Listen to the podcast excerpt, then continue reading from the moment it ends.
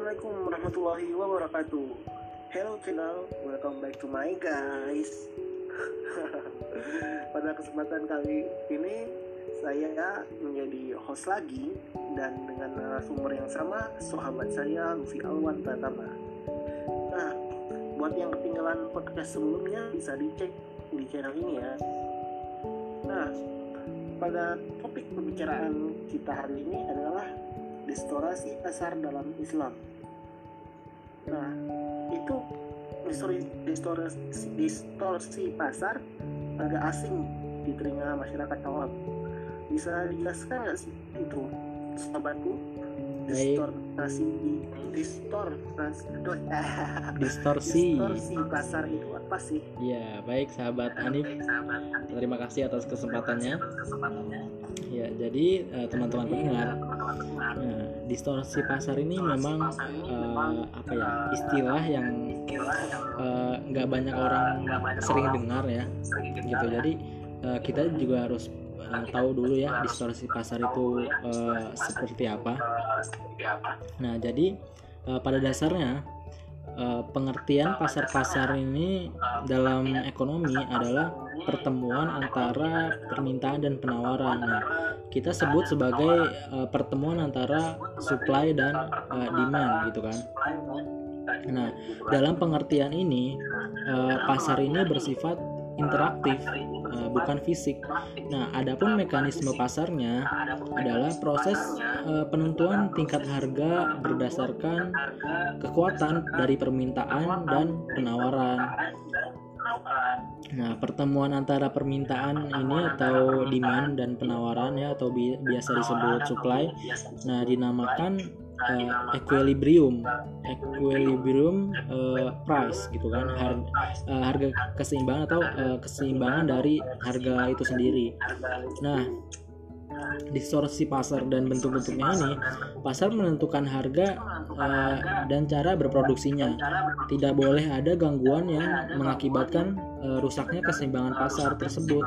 Nah, tapi eh, pada kenyataannya eh, sulit kita temui pasar yang berjalan sendiri eh, secara adil gitu. Nah, kondisi yang tadi saya sebutkan seperti itu, ya yang biasa kita sebut sebagai eh, distorsi pasar gitu.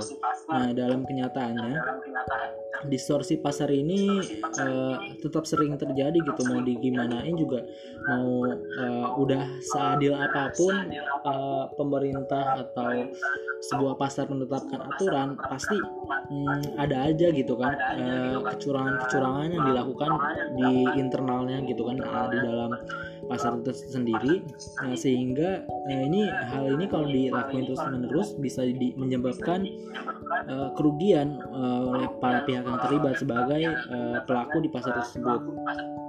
Nah, maka sehubungan dengan mekanisme pasar di atas, nah dalam sistem ekonomi itu harus menyesuaikan dengan eh, apa yang terkandung dalam sistem ekonomi Islam.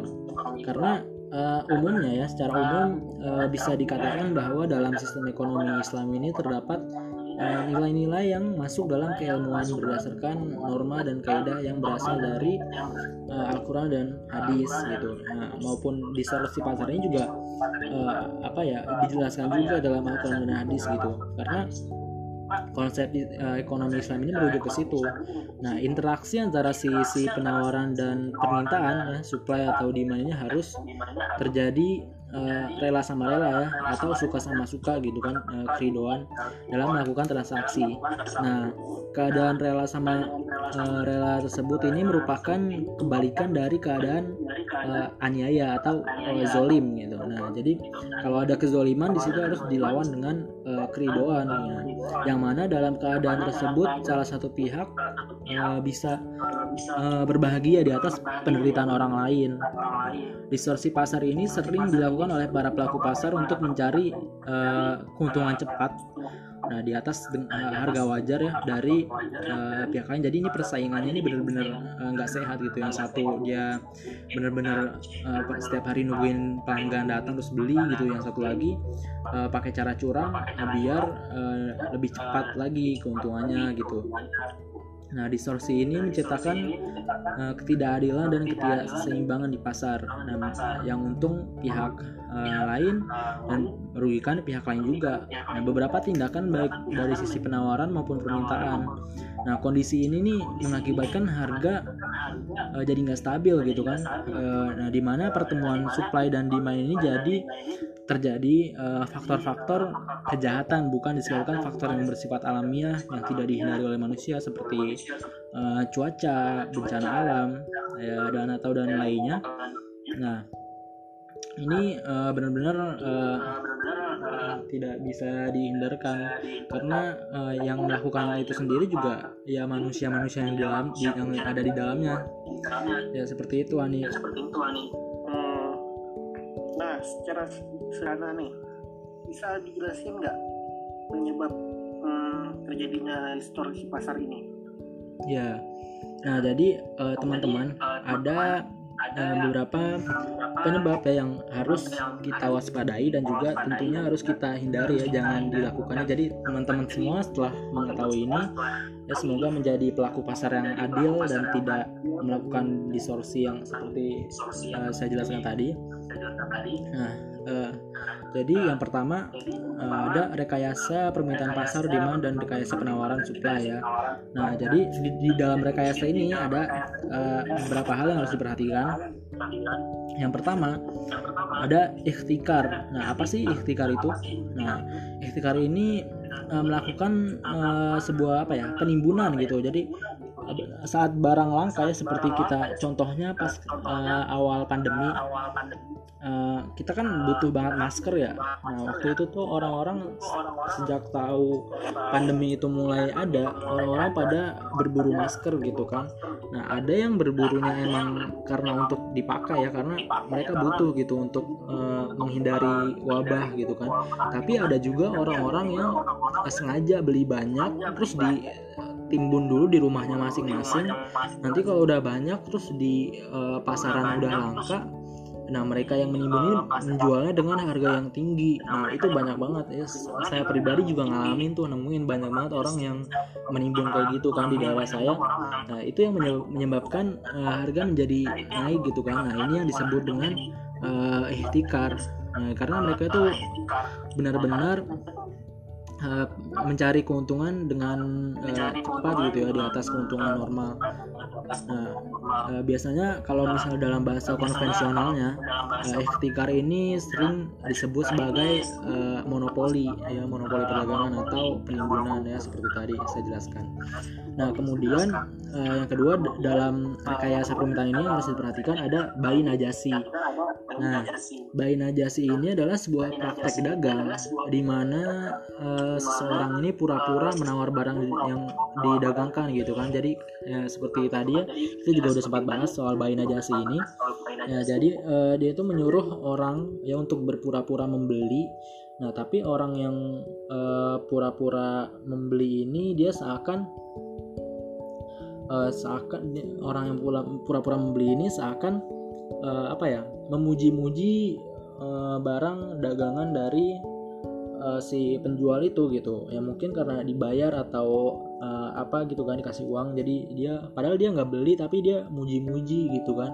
Nah ini yang namanya uh, bayi najasi gitu kan. Ya jadi uh, supaya niatnya ini supaya bisa menaikkan harga gitu agar orang lain ini bersedia membeli dengan harga itu. Nah, Ibnu Umar berkata Rasulullah SAW bersabda bahwa uh, Rasulullah melarang uh, keras praktek jual beli najasi. Nah, di dalam hadis ini yang dirawatkan oleh Tirmizi, Rasulullah bersabda, "Janganlah kamu sekalian melakukan penawaran barang tanpa maksud untuk membeli." Itu hadis riwayat Tirmizi ya. Jadi sudah jelas ya teman-teman bahwa bayi najasi ini sangat-sangat dilarang dalam uh, agama Islam seperti itu. Nah, kemudian uh, yang kedua ya yang yang menjadi pemicu terjadinya distorsi pasar yaitu uh, tadlis ya. Nah, tadlis itu kalau bahasa Indonesianya penipuan seperti itu. Nah, tadlis ini adalah kondisi di mana salah satu pihak ini tidak mengetahui kondisi yang sebenarnya atau uh, uh, apa ya si pembeli ini atau si penjual nggak nggak tahu gitu nah, sehingga pihak yang mengetahui informasi ini uh, mendapat apa ya uh, keuntungan dari kondisi tersebut untuk mendapatkan keuntungan dengan menipu pihak yang nggak tahu. Nah kondisi ini disebabkan karena adanya incomplete information, jadi informasinya ini nggak tuntas gitu sampainya. Nah pas informasinya belum tuntas tapi udah dijual aja gitu kan ini uh, sebuah penipuan gitu nah dari sini terjadi karena adanya uh, ketidakjujuran di antara pihak yang melakukan transaksi nah kemudian uh, yang ketiga ada tagrir. Nah tagrir ini berasal dari uh, kata bahasa Arab ya uh, goror ya. Biasa biasanya sih uh, disebut goror ya. Nah ini yang berarti hmm, akibat bencana, bahaya atau risik atau uh, sebuah ketidakpastian ya. Jadi masih apa ya ambigu lah istilahnya masih belum jelas gitu ya. Nggak nggak pasti. Nah dalam istilah fikih muamalah ini tagrir berarti melakukan sesuatu secara membabi buta tanpa pengetahuan yang mencukupi nah jadi uh, dia itu mengambil resiko sendiri dari suatu perbuatan yang mengandung hmm, resiko tanpa tahu persis uh, apa nih akibatnya setelah melakukan itu atau memasuki kancah resiko tanpa memikirkan konsekuensinya. Nah, jual beli goror ini ialah suatu uh, jual beli yang mengandung uh, ketidakjelasan atau ketidakpastian. Nah, jual beli goror ini dan tarlis sama-sama dilarang karena keduanya mengandung incomplete information. Namun uh, beda nih dengan tarlis di mana incomplete information ini cuma dialami oleh satu pihak saja. Nah, misalnya pembeli atau penjual aja nih. Nah, tapi kalau dalam uh, goror information ini dialami oleh dua belah pihak. Jadi dua-duanya sama-sama rugi, baik pembeli maupun penjual. Jadi dalam ini terjadi ketidakpastian yang melibatkan dua belah pihak. Nah, contohnya jual beli uh, ijon, jual beli anak sapi yang masih dalam kandungan, malah itu menjual uh, ikan yang ada dalam kolam. Terus uh, sebagaimana tadi jual beli ini goror ini uh, terjadi pada empat hal ya yaitu kualitas, kuantitas, harga dan waktu. Ya, jadi uh, seperti itu Hanif jawabannya.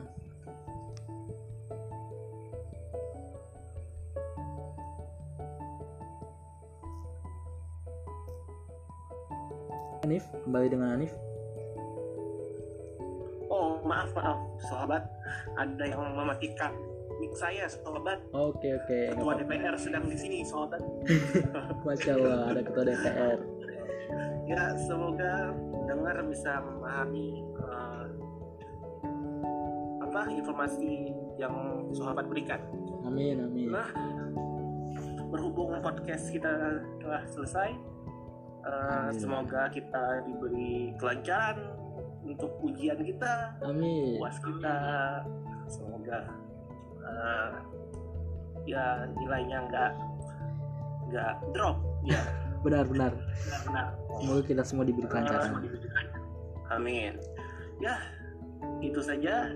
Saya sebagai host di sini mengucapkan terima kasih dan mohon maaf bila ada kesalahan kata uh, akhir kalam wassalamualaikum warahmatullahi wabarakatuh. Waalaikumsalam warahmatullahi wabarakatuh.